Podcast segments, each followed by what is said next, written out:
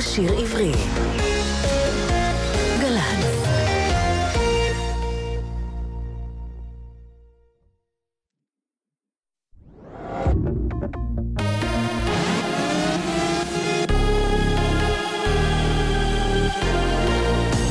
גלי צה"ל השעה שבע, שבת שלום ובוקר טוב, כאן יעל חדד עם מה שקורה עכשיו. סופת ההוריקן הארווי הגיעה לחופי מדינת טקסס. נשיא ארצות הברית טראמפ הכריז על ההוריקן כאסון טבע לבקשתו של מושל טקסס, והודיע כי יפעיל את כוחו של הסיוע הממשלתי. על פי הדיווחים, ההוריקן התחזק וכעת מדורג בעוצמה 4. מומחים משערים כי הסופה עלולה להותיר אחריה נזק רב, המוערך בכ-40 מיליארד דולרים. קוריאה הצפונית שיגרה הלילה שלושה טילים קצרי טווח לעבר הים שבחופה המזרחי. הצבא האמריקני הודיע כי שיגור הטילים כשל ולא מהווה סכנה כלפי האי גואם או אמריקה הצפונית. הנשיא טראמפ פרסם הלילה הוראה האוסרת על טרנסג'נדרים להתגייס לצבא. טראמפ הורה לשר ההגנה ג'יימס מטיס לקבוע האם טרנסג'נדרים שמשרתים כיום יורשו להמשיך בתפקידם. הצבא גם יפסיק לממן ניתוחים לשינויי מין עבור חייליו. מוערך כי נכון להיום כ-11 אלף טרנסג'נדרים משרתים בצבא האמריקני. יועצו של טראמפ, סבסטיאן גורקה, פרש הלילה מתפקידו. לדברי גורמים בבית הלבן, גורקה רשם במכתב ההתפטרות שלו כי הוא אינו מרוצה ממצבו הנוכחי של ממשל טראמפ.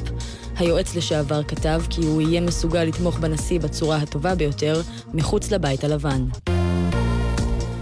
חקירת קשרי טראמפ ורוסיה, התובע המיוחד רוברט מולר מאתר אנשי יחסי ציבור שעבדו עם מנהל מסע הבחירות לשעבר של טראמפ, פול מנפורט, כך מדווחת הלילה רשת NBC. התובע מולר מחפש גורמים שניהלו עם מנפורט מסע פרסום בינלאומי. זו ראיה ראשונה לכך שמולר מתחיל לכפות הגשת עדות בפני חבר המושבעים המיוחד, שהורכב לשם חקירת הקשר בין מטה טראמפ ומוסקבה. מזג האוויר להיום צפוי עומס חום כבד, שיימשך גם בתחילת השבוע.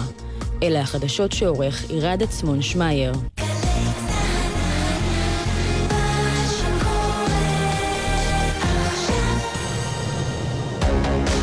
בגל"צ, יורם רותם. עם בוא שיר עברי.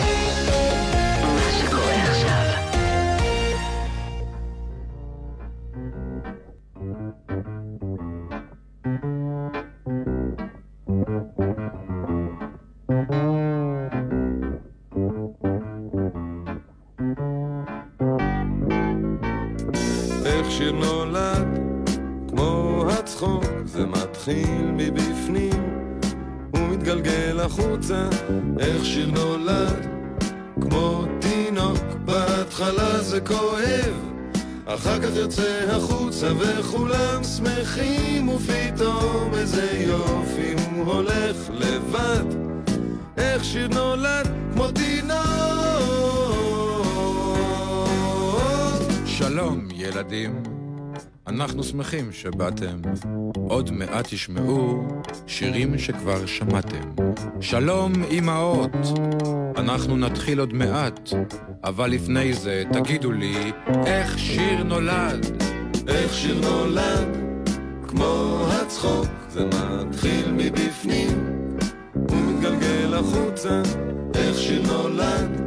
כמו תינוק, בהתחלה זה כואב. אחר כך יוצא החוצה וכולם שמחים ופתאום איזה יופי הוא הולך לבד. איך שיר נולד כמו תינוק מחבר שלוש מילים, מחמם על אש קטנה ורץ מהר להביא בצל מהשכנה מוסיף שני חרוזים קצת פלפל, קצת מלח, מערבב שלושה כבשים וזורק קובייה של קרח. חשוב מאוד שהקרח יהיה חם. לה לה לה לה לה לה לה לה לה לה לה לה לה לה לה לה לה זה כואב. אחר כך יוצא החוצה וכולם שמחים ופתאום איזה יופי הוא הולך לבד. איך שיר נולד כמו תינוק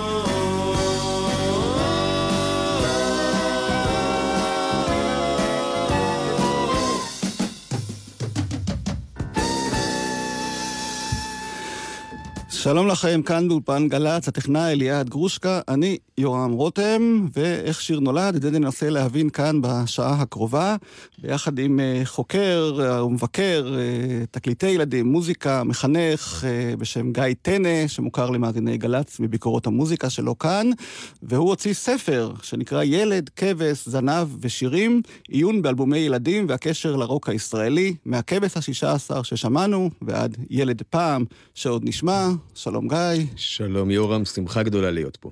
והחופש הגדול בעיצומו, כבר רואים ככה את הסוף, ואתה הגעת לכאן אה, היום מתובל שבגליל, שם אתה אה, גר עם משפחתך, ושניים מילדיך נמצאים איתנו באולפן, היי. שקד, בת 15, ורותם, בן ה-11. שלום לכם גם. שלום. ואתם מצטרפים לאבא כי... כי למה לא? כן?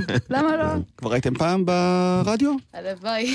עכשיו אנחנו פעם ראשונה, וזה נחמד, וזה מגניב, וזה קטן, אבל uh, יפה פה. אז גיא, הילדים שלך הם בעצם אלה ששכנעו אותך לחקור את נושא שירי הילדים? איך הגעת בכלל לנושא הזה, שהוא מאוד אהוב ופופולרי, אבל בכל זאת... אה, נכון. לא הרבה אה, צללו פנימה לתוך העניין הזה. האמת היא ש... שלא. גם, גם אשתי וגם אני, אשתי מרפאה בעיסוק, שמתעסקת הרבה עם ילדים ומשחקים, וגם אני, אה, תמיד היינו קשורים לעולם הילדים באיזשהו אופן אה, קצת יותר הדוק מבדרך כלל. אה, האמת היא שכל הרעיון, באיזשהו מקום הזיקה הזו של לקחת ולהתמקד במוזיקה לילדים, התחילה דווקא מעולם התיאטרון. לפני שנים רבות עסקתי בתיאטרון, וביימתי הצגה במסגרת האוניברסיטה העברית בירושלים, שנקראת הכבש השבעה עשר.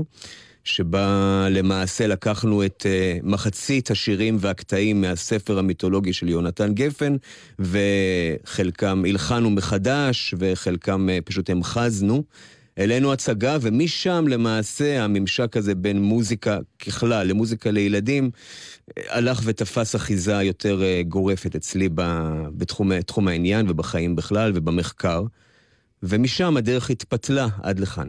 והחלטת להתמקד דווקא בשירי אה, או מוזיקת רוק לילדים, הקשר בין הנושא הזה של שירי ילדים ומוזיקת הרוק, משום מה אה, שזה הנושא שעדיף כן. וחביב עליך במיוחד, כי שירי ילדים יש להם אה, כן, תשמע, עולמות אחרים גם. זה נכון. משהו עניין אותי, יש במוזיקת הרוק איזושהי יושרה, איזושהי אמירה שהיא מעבר לאמירה המוזיקלית, אמירה שהיא חברתית, אה, רגשית, כן, שהיא יותר אה, אותנטית, אה, ואני לא אכחיש שעליה גדלתי. והיה לי מאוד חשוב לבדוק את המקום באלבומי הילדים האלה, החל מהכבש השישה עשר, שהוא יצירת מופת לכל הדעות, ולראות איפה נמצאת האמירה הזו של הכנות, של השונות, כן?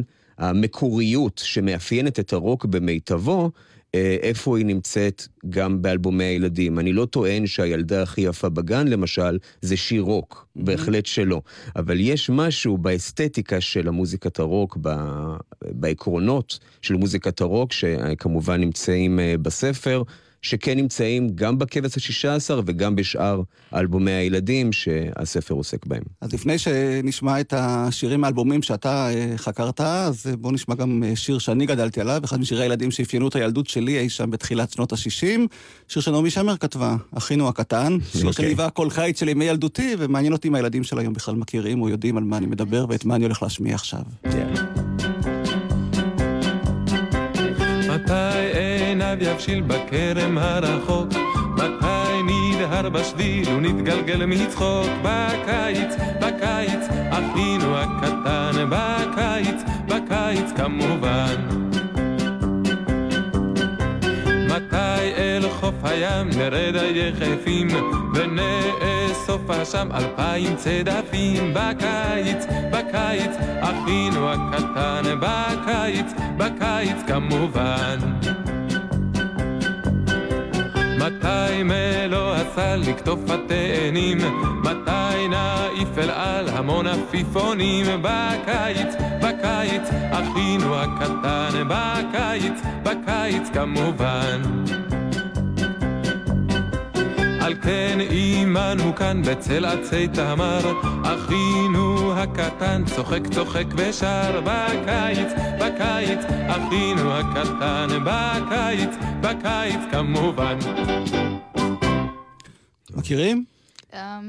לא, אבל זה נשמע מאוד מאוד חמוד, כאילו... אמ, זה עוד מהתקופה שדודו לא- עוד לא ידע שהוא זכאי. דודו זכאי, הוא תמיד זכאי אצלנו. טופז? דודו זכאי. דודו זכאי. אה, נו. תגיד, ושירים כאלה עוד נכתבים היום? או שהיום באמת הכל צריך להיות מוכתב אה, בקצב, אה, כמו שאתה קורא לזה, הרוק, או המוזיקה העכשווית, וצריך להגיע לילדים עם השפה של היום והלשון של היום, כי...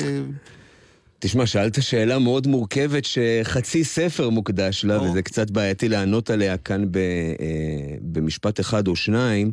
תשמע, השיר הזה של נעמי שמר הוא באותה תקופה כן ניסה להתחבר לרוח הזמן, כן? זה לא... אה, אני מניח וסמוך ובטוח שנעמי שמר בזמנה אה, חשבה איך לפנות לדור הילדים של היום ולא להיות ארכאית. כמו אה, הדור שקדם לה. היא גם, אגב, את השירים הראשונים שלה כתבה לילדי קבוצת כנרת, שאיתם היא נכון. עבדה, היא ראתה שחסרים להם שירים מעולם הילדים שלהם, ואז היא כתבה להם שירים שהם יוכלו לשיר ולהזדהות איתם. אבל הילדים הם אותם ילדים, לא? זאת אומרת, הילדים בגילאים מסוימים, הילדות שלהם היא אותה ילדות, לא? תשמע, בוודאי שיש לילדים באשר הם ילדים קווים משותפים אה, בכל דור שהוא. מצד שני, אני... אף דור, אה, לא, כמו הדור של הילדים שיושבים כאן אה, ביחד אה, איתנו, אה, לא חווה התפתחות טכנולוגית מטורפת וחסרת פרופורציות לכל מה שהיה אה, לפני כן. נראה לי שרק עוד 50-100 שנה נבין עד כמה דור הילדים הזה, אה, שעוד בח, בשנות ילדותו ההתפתחות הטכנולוגית טסה קדימה, עד כמה הוא היה מיוחד. אז אני בהחלט לא יכול לבוא ולומר שאותם ילדים שב-1978 שמעו את, אה, נניח, כשנסענו העירה לבקר את דוד אפרים, ירגישו אותו דבר כלפי השיר הזה גם, זאת אומרת, זה לא אותו דור. יש דברים שבהחלט משתנים, הדברים שמעניינים אותם משתנים. השאלה מה עושים עם זה, השאלה איך מתנהלים עם זה, תוקפים, תוקפים את זה, בורחים מזה, או איכשהו מנסים למצוא את דרך הזהב. אז בואו נשמע את כשנסענו העירה לבקר את עוד אפרים, הכבש השישה עשר, יוני רכטר הלחין את יונתן גפן.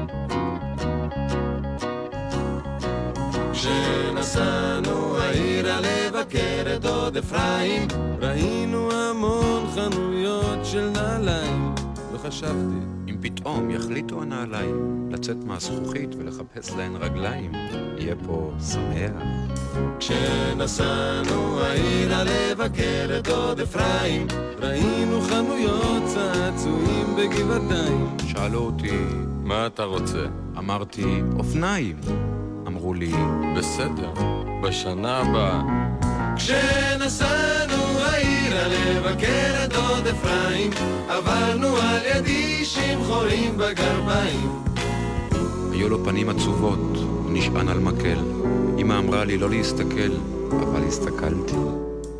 כשנסענו העירה... לבקר את דוד אפרים, זה היה בחורף, לפני שנתיים. מאז גדלתי, כבר יש לי אופניים. כמעט שכחתי שפעם הייתי בן שלוש, רק האיש העני, עם החורים בגרביים, לא יוצא לי מהראש. הכבש השישה עשר, תגיד, אתה יודע למה האלבום הזה כל כך הצליח בזמנו, והגיע גם אל המבוגרים, גם אל ההורים, גם אל הילדים, ודורות של ילדים גדלים עליו מאז? כן, יש מן הסתם כמה, אה, כמה סיבות, רק לפני כן, ברשותך, הייתי רוצה להתייחס לשיר הזה שכרגע שמענו. מבחינתי האישית, mm-hmm. השיר הזה אה, הוא חולל שינוי בנעוריי. הרי מדובר פה בשיר שמתייחס לאדם חריג, שונה, אולי הומלס, שאנחנו עוברים לידם מדי פעם ברחוב, לפעמים מתעלמים, לפעמים משליכים איזה מטבע, ולפעמים גם עוברות בנו תגובות לא נעימות. כן, כי אנחנו בסך הכל חוששים ומפחדים ממה שהאנשים האלה מייצגים, כן? מהיכולת להגיע למצב כלכלי כל כך לא נעים. אה, ואני כילד, החל מגיל שמונה, תשע, עשר, ששמעתי את, ה, את הכבש השישה עשר בפעם הראשונה, השיר הזה בהחלט כיוון אותי בחיים מבחינת אה, היחס שלי לחריג. התבטא אחר כך בתנועת נוער, נוער לנוער, זיכרונו לברכה, אה, שהתמחה בעזרה לזולת. זה לגבי היכולת של שיר אחד להשפיע על דרכו של אדם. עכשיו, לגבי הכבש השישה עשר, לדעתי, הסיבה הראשונה להצלחה של האלבום הזה, והיא שמדובר במתכון שהוא כמעט חד פעמי. היה שם איזשהו קיבוץ גלויות של כישרונות, אה, אפשר לומר בשיאם, כן, היה לנו פה את יוני רכטר. שלאחר התקופה שלו בכוורת ולאחר העבודה שלו עם אריק איינשטיין, אה, הגיע לכבש השישה עשר אה, טעון. ברצון ליצור, טעון, זאת אומרת, מדובר פה ביוני בגיל 27, משהו, 6, 7, משהו כזה, מאוד צעיר, מאוד כישרוני ומאוד רוצה לקחת על עצמו, והוא באמת לקח על עצמו את הניהול המוזיקלי של ה... אה, הפרויקט הזה, יש לנו פה את גידי גוב, שסיים את כוורת.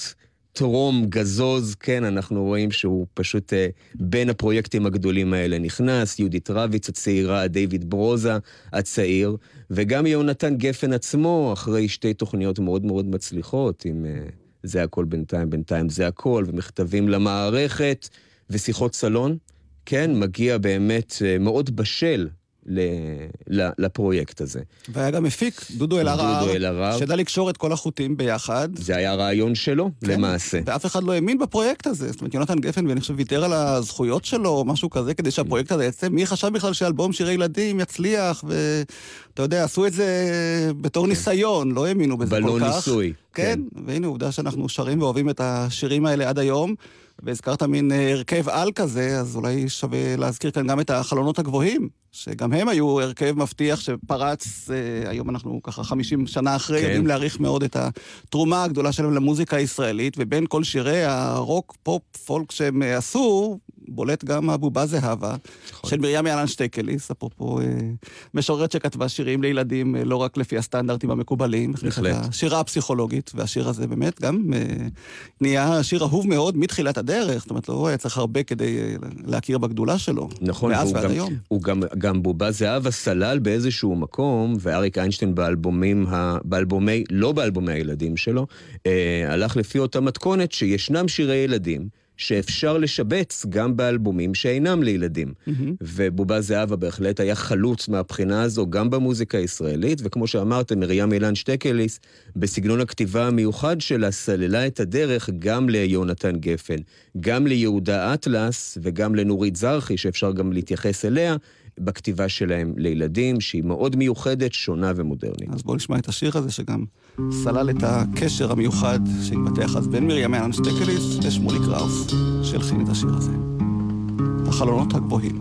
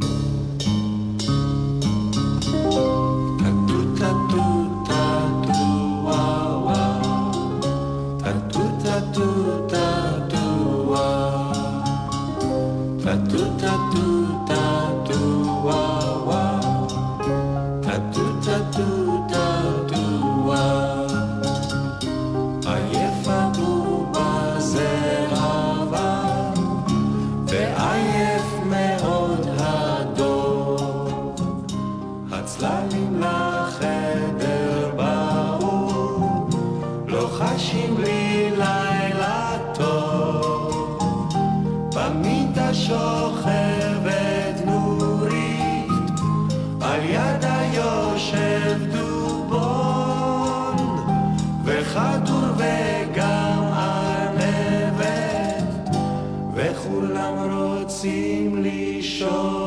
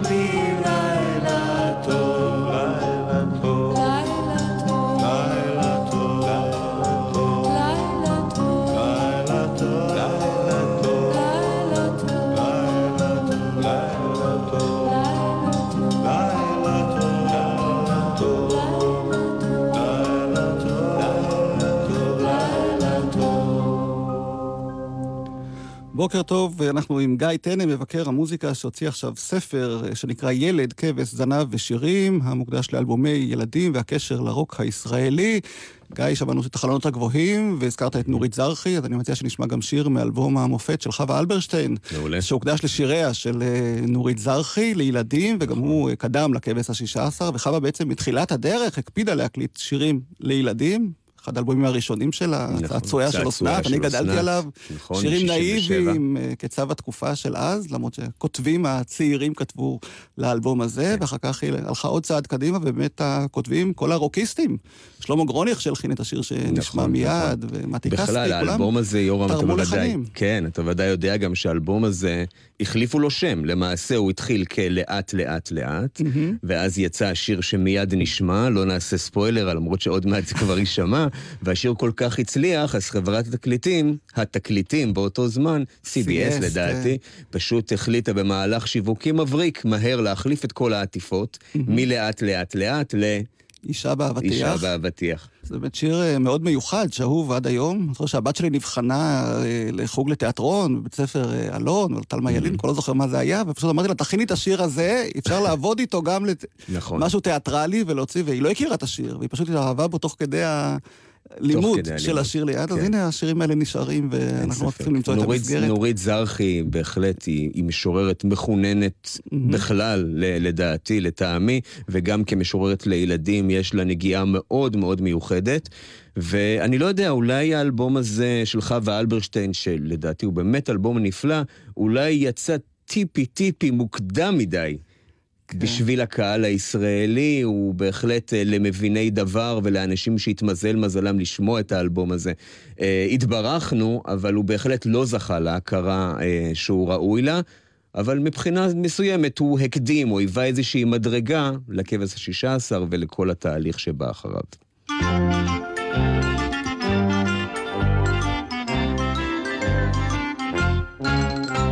אישה אחת אבטיח גדול נורא. היו לה שני שרפרפים, כיסא ומנורה. היא חתכה לחלון וחצבה לסלון ותלתה שם תמונה והכניסה ארון. וחתול שיצאו עכברים היא גידלה בפינה. ופתאום נסתיימה העונה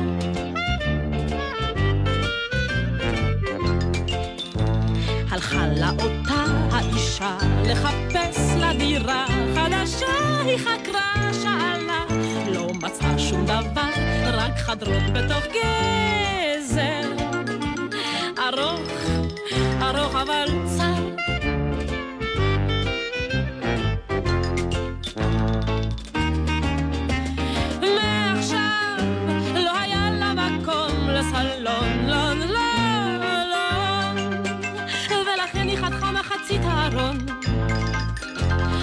הכניסה רק רבע כיסא וחתול ושרפרף מעצמה היא בקושי הצליחה לדחוק את האף.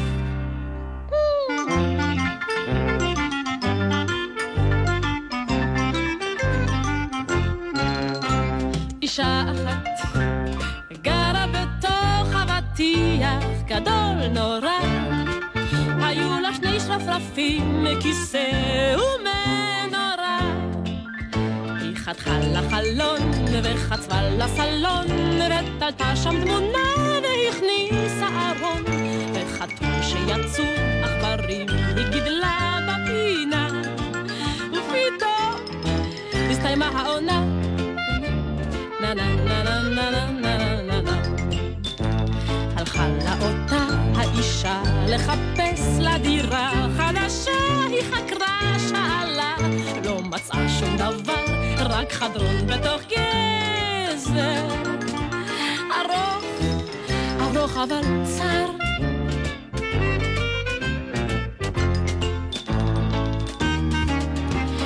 מעכשיו לא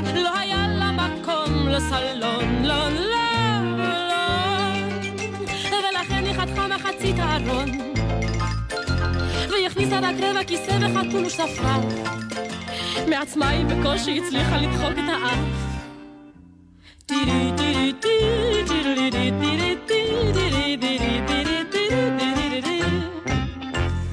חווה אלברשטיין שרה על אישה באבטיח של נורית זרחי, שלמה גרוניך, ולזכותה של חווה ייאמר שהיא המשיכה להקליט שירים לילדים, וגם לאחרונה, לפני כמה אה, שנים, הוציאה שירים, אפילו שיתפה את הנכד שלה באחד השירים, והיא מצליחה להתחבר גם לילדים של היום. אנחנו שגדלנו על uh, הטלוויזיה, על ערוץ אחד בטלוויזיה, בעצם כל תוכניות הילדים של פעם היו מבחינתנו uh, אורים ותומים, כולם ראו, כולם אהבו את השירים שיצאו מהתוכניות האלה, 100% רייטינג. הילדים של היום גם גדלים על הטלוויזיה. עד כמה היא נוכחת באמת ומשפיעה על uh, נושא המוזיקה והשירים שהם צורכים או גדלים חוש... עליהם? תשמע, אני יכול, לפי מה שהילדים שלי אה, מדגימים לי, וגם ילדים אחרים שאני מכיר, ושל עמיתים ושל חברים, הטלוויזיה, אה, וזה רק עניין של העשור האחרון, הולכת ופוחת משקלה, משום שיש המון מדיומים אה, שבהם הם אה, צורכים גם את התוכניות שלהם, את המוזיקה שלהם, זה יכול להיות כמובן ברשת בשעה, בשלל האפשרויות. כאילו כמובן... כבר מחשב, הטל... טלפון כזה, כבר לא טלוויזיה. כן, הטלוויזיה כבר אולד אולד פשן. טלוויזיה כבר הפכה למחשב, יש לנו מקלדת, נכון, נכון מאוד. אבל אה, הטלוויזיה מייצרת שירים שהילדים שרים ואוהבים, או ברגע שהשיר מוקרן בטלוויזיה, יש לו עוד אותו אפקט, אותה השפעה, כמו שהיה פעם בזמנו, שאם שיר היה מוקרן בטלוויזיה, או בתוכניות הילדים בעיקר, שילדים יושבים לפעמים שעות מול המסך. לדעתי בהחלט לא. בהחלט המשקל הרבה פחות בהרבה, אה, משום שיש הרבה מאוד אפיקים שבהם הילדים יכולים יכולים לצרוך את אותם שירים. אתה יודע, עדיין קיים ערוץ הילדים, או ערוץ אה, זה או ערוץ אחר. ערוצים אה, שונים, ולכן, משום שיש הרבה יותר מגוון, אז יש פשוט אה, אפשרויות אחרות, ולכן הילדים פחות נזקקים לזה כדי לקבוע איזה שירים הם אוהבים, וכמובן שגם ה... מחיצה, אם הייתה קיימת, הייתה קיימת במובן מסוים. בין עולם המבוגרים לעולם הילדים, המחיצה הזאת כבר כמעט התפוגגה לחלוטין, בגלל הנגישות הזו. כן, היום להפך, שומעים שתוכניות המבוגרים בטלוויזיה, בערוצי הפריים טיים, בערוצים המרכזיים, כן. בעצם פונים לקהל הילדים בגלל שיקולים מסחריים כן. או כלכליים או פרסומות, אני לא יודע כן. בדיוק מה הסיבה, אבל היום כולם רואים ושומעים כמעט את אותם הדברים. אנחנו יודעים מה הסיבות. הסיבות הן כלכליות, כך שוק הבידור והתקשורת עובד, לצערי, ו... כן. אז בואו נזכר באחד משירי הילדים שנכתבו לתוכנית ילדים, ראש כרוב. כן. שהיום אני לא יודע עד כמה הילדים של היום יודעים על מה אני מדבר, אבל אנחנו גדלנו, כן. הם יודעים, מכירים את השירים. הילדים שלי ודאי כן, יודעים. כן, אני רק אומר בכמה מילים לגבי ראש כרוב, שכמו בכבש השישה עשר, גם כאן התקבצו מקבץ כישרונות יוצא דופן, קובי אושרת היה אחראי על ההפקה המוזיקלית והלחנים, רותי נבון ואלי מגן וגלי עטרי. וחנה לסלו. וחנה לסלו. מנחם עיני, זיכרונו לברכה. נכון. וטל נכון. יגון כתבה את השירים, אז ראש כרוב.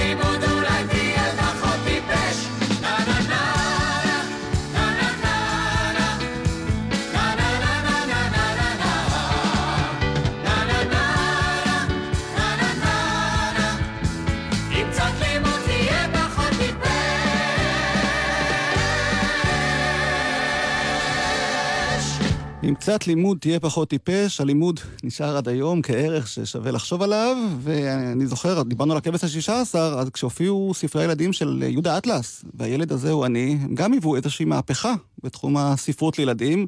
היכולת של יהודה אטלס אז לכתוב שירים קצרים שנוגעים לעולמו של הילד, שכל ילד יכול היה להזדהות איתם, וגם אם הוא מבוגר, היה יכול להבין בדיוק על מה יהודה אטלס כותב, על איזה דברים שעד אז אולי לא תמיד כתבו ודיברו עליהם בגלוי, פתאום זה הופיע בספרים שזכו להצלחה מסחררת. כן. ואני זוכר שאני הייתי נער, אה, זאת אומרת, לא ילד קטן, אבל השירים שלו, הקטנים האלה פשוט אה, כבשו אותי.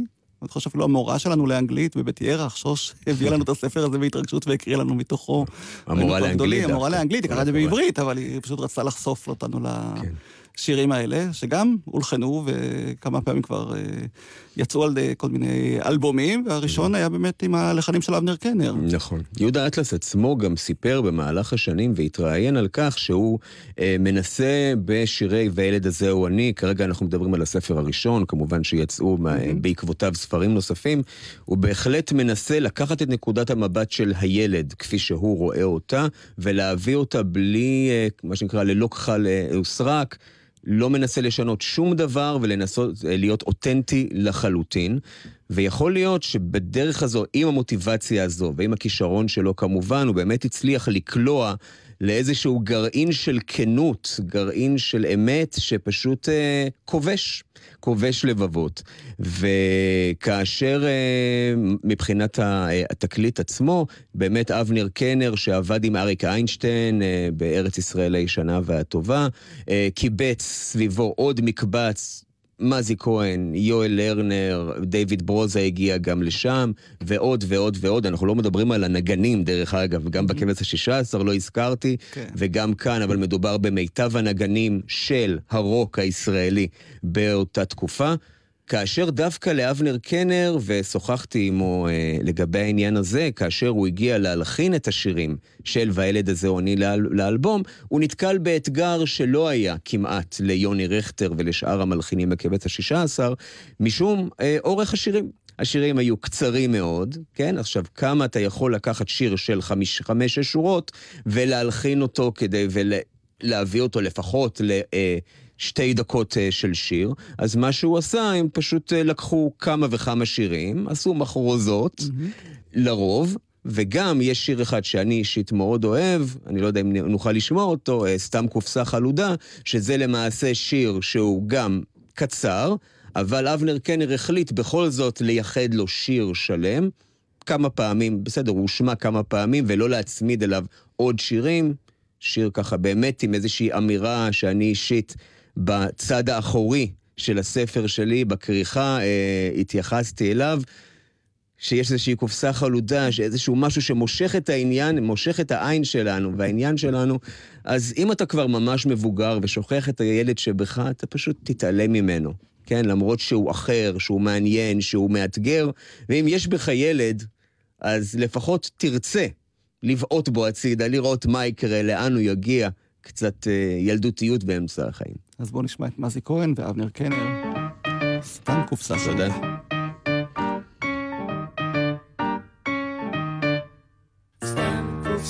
חלודה שמונחת באמצע הכביש. אפילו אני עובר על ידה בלי להרגיש משהו עוצר לי את הרגליים אחרי כמה פסיעות ואני חוזר אחורה בשביל לבעוט.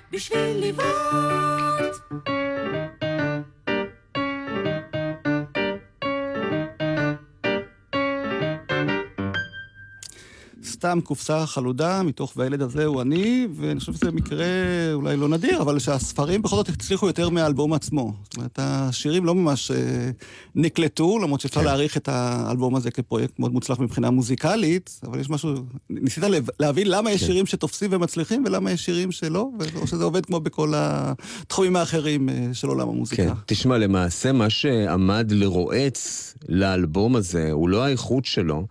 דבר ראשון, השיר הנושא, דרך אגב, כאילו, והילד הזה הוא בהחלט שיר שהצליח.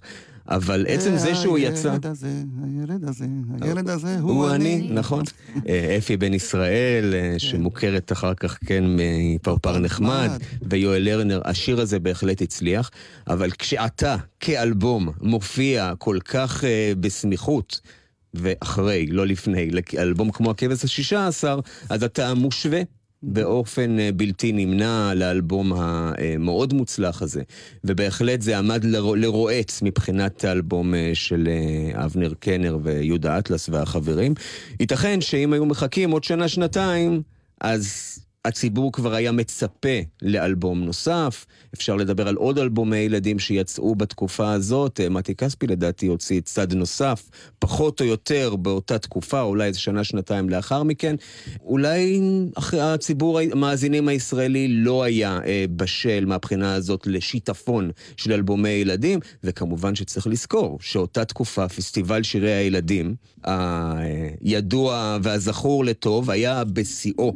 מדובר באמת על הרבה מאוד שירים טובים, והציבור הישראלי, כאשר חשב על שירי ילדים, דבר ראשון חשב על פסטיבל שירי הילדים, אנחנו מדברים פה על פסטיבל מספר 9, 8, 9, 10, באמת הרבה מאוד שירים שכבשו את הילדים. זה אפילו עוד לפני הפסטיגל. זאת אומרת, עוד לפני הפסטיגל, שירי ילדים, נכון. וגם אז אני זוכר שדי כיסחו את השירים שהשתתפו באותם uh, מופעים בחנוכה, והיום כן. מתגעגעים אליהם ומתרפקים עליהם, אבל אז נכון. לא כל כך אהבו אותם. הביקורות לא בדיוק uh, השתגעו על מה ששרו שם בפסטיבלים, כן, אבל היום נכון. כבר מתגעגעים. אז בואו נשמע אולי כן. שיר שאתה ביקשת לשמוע, אלישבע מה נחמדת. אוקיי. שוב, שיר של מרים יאלן שטקליס. נכון, ויש משהו מעניין גם לומר על אלישבע מה נחמדת, על הביצוע הזה, שמדובר בביצוע של החלונות הגבוהים. בלי אריק איינשטיין, שמספר שנים לאחר שאריק איינשטיין עזב לטובת דרכו, דרכו כסולן, אלי מגן, ששמענו אותו קודם עם ראש כרוב, צורף לשמוליק ולג'וזי, באירוע מאוד מיוחד, שנקרא פסטיבל שירי משוררים לילדים. Okay. האלבום אוקיי. הזה מאוד מוצלח, ואני אשמח לשמוע את השיר.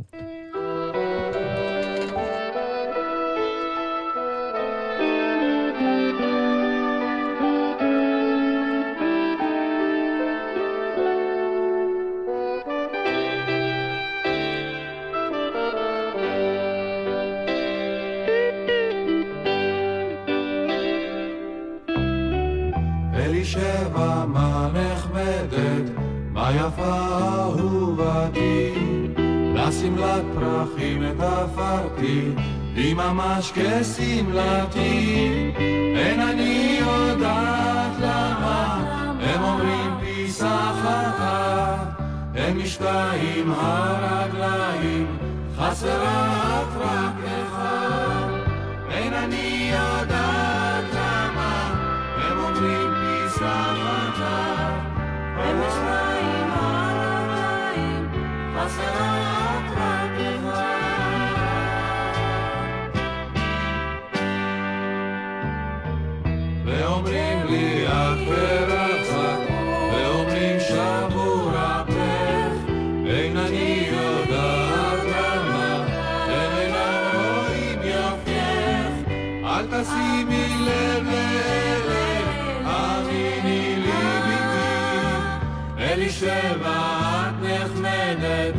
נחמדת,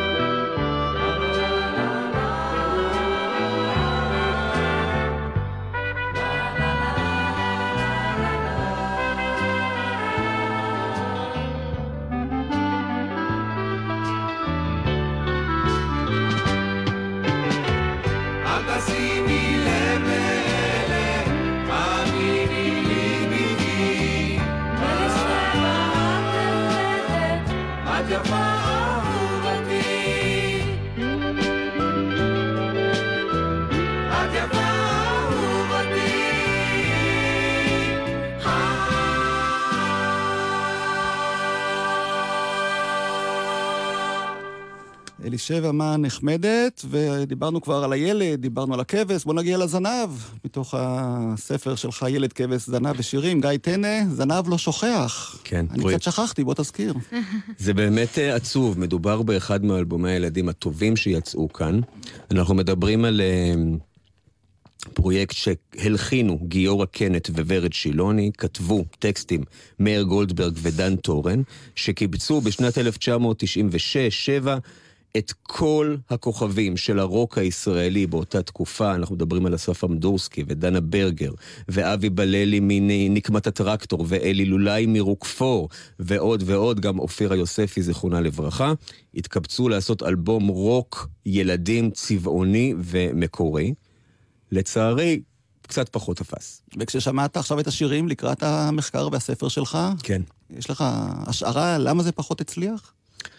אתה יודע, אנחנו אה, שמענו, השיר האחרון ששמענו, אלישבע מן נחמדת, שלא, פשוט פסטיבל שירי משוררים שלא המריא בגלל תמורות פוליטיות וביטחוניות שקרו במדינה הזו. אה, תש... זנב לא שוכח יצא ממש אה, כשנה וחצי לאחר רצח רבין. אני לא צריך להזכיר למאזינים מה היה מצב הרוח הלאומי בתקופה הזו ומה זה עשה לתרבות הישראלית. ולמוזיקה הישראלית, הרוק הישראלי ספג מכה אנושה. אה, מהבחינה הזו, כולם ברחו לגאיה ולשבע, ואתה יודע, כל מיני ווליומים מוסיקליים תרבותיים, ויכול מאוד להיות שאלבום רוק לילדים, למרות שהיה דרוש מבחינתי אה, באותה תקופה, היה קצת יותר מדי. לחברה הישראלית שחיפשה משהו שירגיע אותה, ולא משהו שיעורר אותה. כנראה המיגרנה הלאומית עדיין הייתה בשיאה, אה, עוד לא שכחה לחלוטין, וחבל מאוד, אני עדיין... אה, גם שוחחתי עם כמה מיוצרי אה, זנב לא שוכח, עדיין מצפה שאולי מתישהו תהיה הוצאה מחודשת, אולי איזו הופעה איזה ריוניון, משהו שיעורר את האלבום הזה ויחזיר אותו לחיים. אז הנה שיר הנושא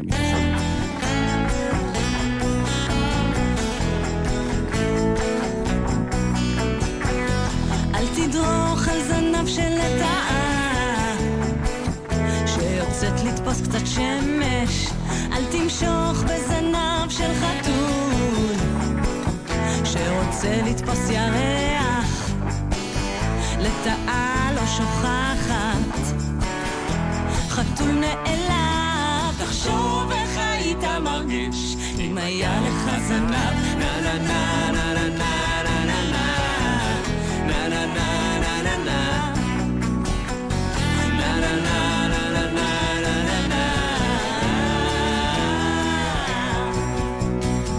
וציפורים וכלבי זאב חתולים ועכברים ואפילו צב. אף אחד לא אוהב שמושכים לו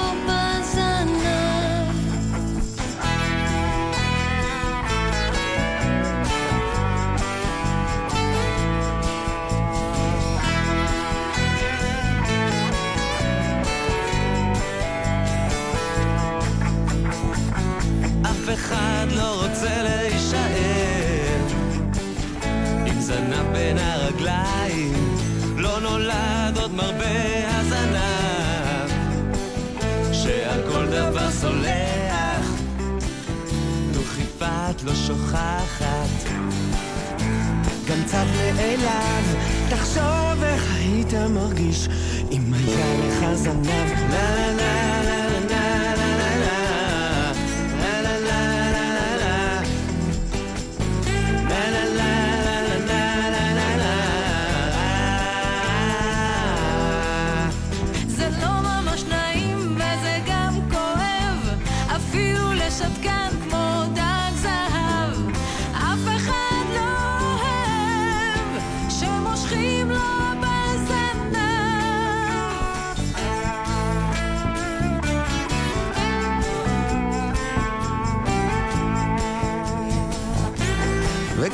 ממש נגנב אם דורכים לי על הזנב. לא שיש לי כזה עכשיו, אבל לפני אלפי שנים, אני לא ממש זוכר, הייתי מתרגז אם מישהו היה חושב שככה דרך אגב הוא יכול לדרוך לי על הזנב. אאוץ'. הזנב לא שוכח, גם הוא מאליו. תחשוב איך היית מרגיש אם היית זנב.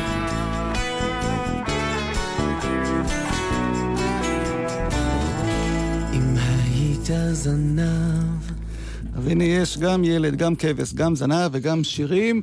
גיא טנא, בספר שלך אתה מזכיר עוד אלבומי ילדים שיצאו בשנים האחרונות וזכו באמת להצלחה גדולה. אני לא יודע עד כמה הם אה, נשארו, והשירים מתוכם אה, מושרים עדיין על ידי הילדים של היום, כי כל דור, כמו שאנחנו כן. יודעים, יש לו את הגיבורים שלו ואת השירים שלו. בוא תזכיר כמה מהאלבומים האלה שחקרת, ושלא נצליח להשמיע מתוכם אה, את השירים. אוקיי, אז דבר ראשון, שני אלבומים שבהם עסקתי, למעשה הספר עוסק בחמישה אלבומים ובכל מיני סוגיות דרך חמשת האלבומים הללו. אז אה, שני אלבומים שבהם עסקתי הם אה, שירי העיר הגדולה, שזה למעשה אלבום שאיחד בתוכו אה, אליו את מיטב הג'אזיסטים הישראלים, אבישי כהן ואלי דה ג'יברי, וכמובן היוצרים אילן סלם ויעל סלם וכן הלאה וכן הלאה, אלבום נהדר, מאוד תל אביבי. אלבום נוסף הוא אלבום ילד פעם, אלבום אה, שלמעשה חבורה שהתקבצה לה לצורך הקלטת אלבום ילדים, וממשיכה להופיע כבר שמונה שנים. עם אותו אלבום, אה, בעיקר אה, בשבלול בנמל תל אביב, אה, ובזאפות למיניהם, והם על סף אלבום שני, וזה מאוד מאוד משמח אותי באופן אישי.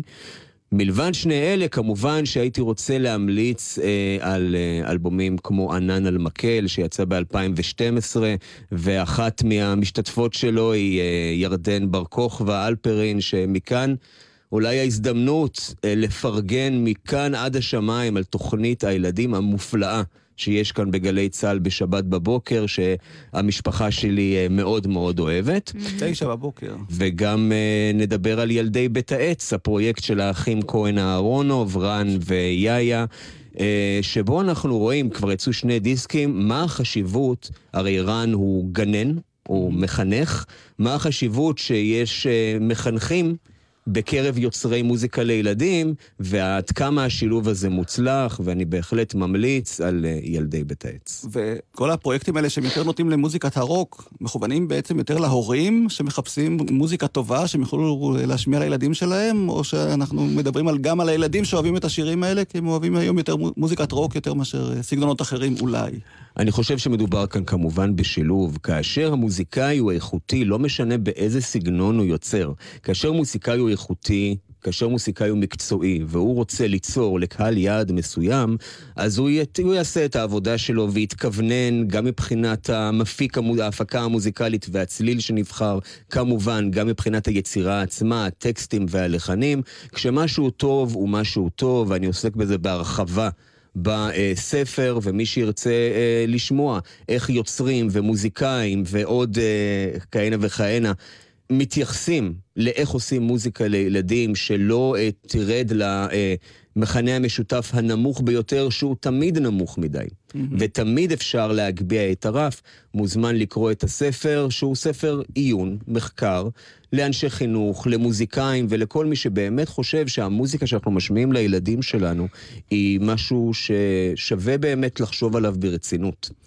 וכמי שמתעסק כל כך הרבה במוזיקה הישראלית, המוזיקה המזרחית שכל כך אה, חודרת למקומותינו בשנים האחרונות וזוכה לתהודה כל כך גדולה, מוצאת ביטוי גם בענף הזה של שירי הילדים? זה באמת אחד מהדברים שדי מפתיעים. אני חושב שהמוזיקה הים תיכונית אה, מפספסת, ובגדול, את השוק, כן, של הילדים, גם מבחינה מסחרית וגם בכלל, מבחינה ציבורית.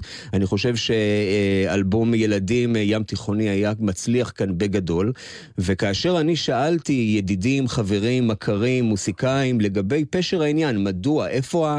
איך אף אחד עוד לא נתפס לעניין ועשה אלבום אה, ים תיכוני לילדים, אה, התשובות בעיקר כיוונו למקום אחד, שכאשר מבחינת המשפחות עדות המזרח, הילדים הם חלק אינטגרלי. מהתרבות, מצר, מצריכת התרבות במשפחה, ומה ששומעים במשפחה, כך גם הילדים שומעים, ולא, אה, הם לא נתפסים כצרכני תרבות, אה, מוזיקה שצריכים מוזיקה משל עצמם. אני לא יודע מה לחשוב על זה, אני לא כל כך בטוח, זה בוודאי דורש עוד מחקר ועוד עיסוק. בינתיים המציאות מדברת בפני עצמה, ועוד לא יצא אלבום ילדים ים תיכוני.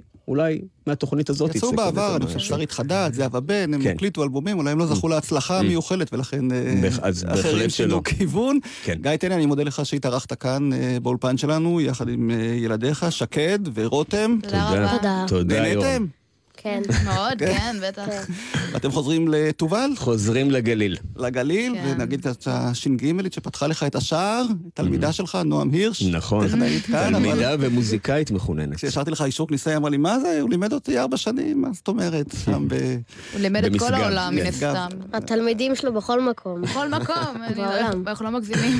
באיטליה, במטוס הם טוב. מצאנו אותך. הנה, התחילו לדבר, ראית? כן. כן, כל התוכנית הם שתקו, ואנחנו אה, נודה גם לליעד גרושקה, הטכנאי, אני יורם רותם, נסיים עם שיר מילדי אה, בית העץ. מעולה. באמת אה, פרויקט מאוד אה, מצליח, שכבר יש לו המשך, וגם סדרה ומופע, והכל התחיל מאלבום כפול, ואנחנו נשמע את ילד לא רגיל עם אברהם טל. תודה, ולהתראות. ביי ביי.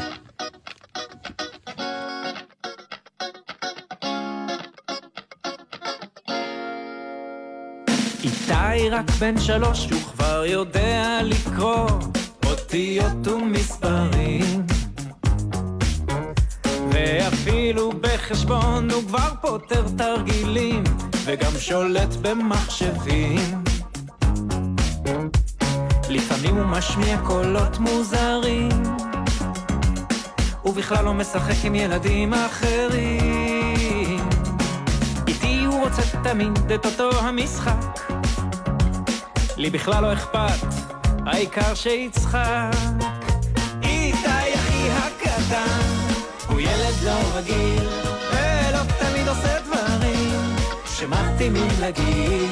אני יודע שאיתי הוא ילד קצת אחר, ואולי בגלל זה אני אוהב אותו אפילו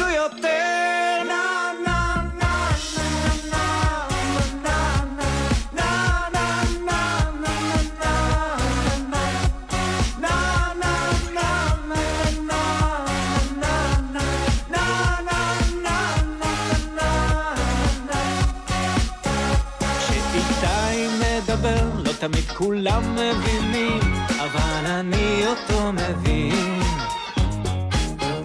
וכשהוא מסתובב בסלון במעגלים, אבא מגרד את הזיפים. יש לנו הרבה דברים ששנינו אוהבים לעשות, כמו להפריח בועות סבון ולשחק במסירות.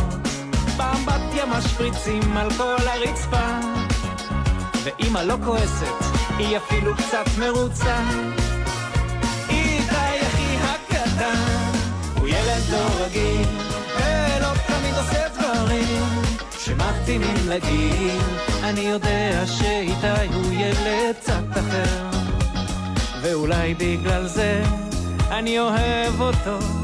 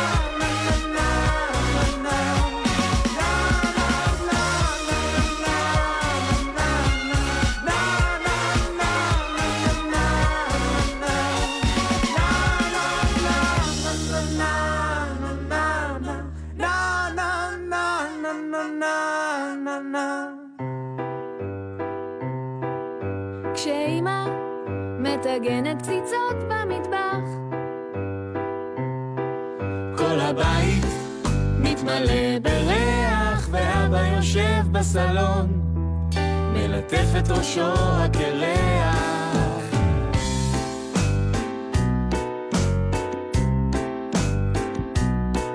החתול שוב שורט את הדלת בחוץ.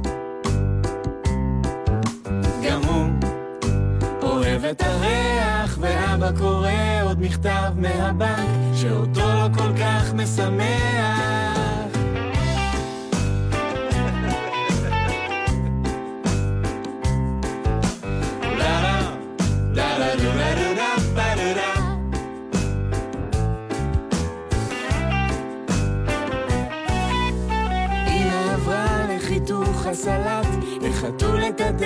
צורט, ואבא קורא עוד מכתב מהבנק, ומסמן עיגולים.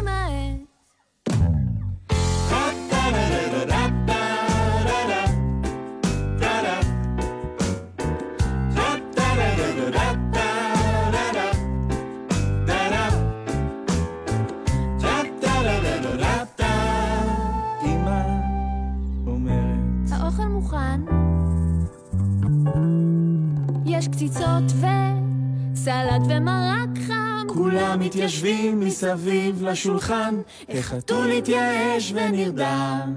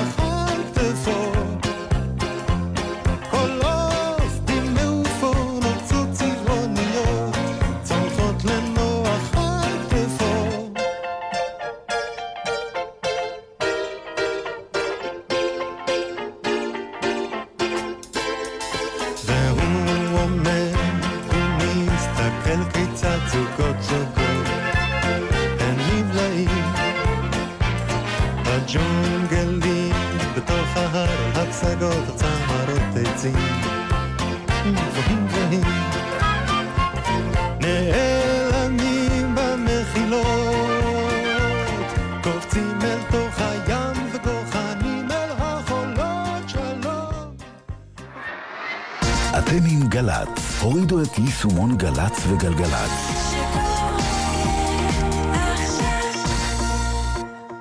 מיד אחרי החדשות, יעקב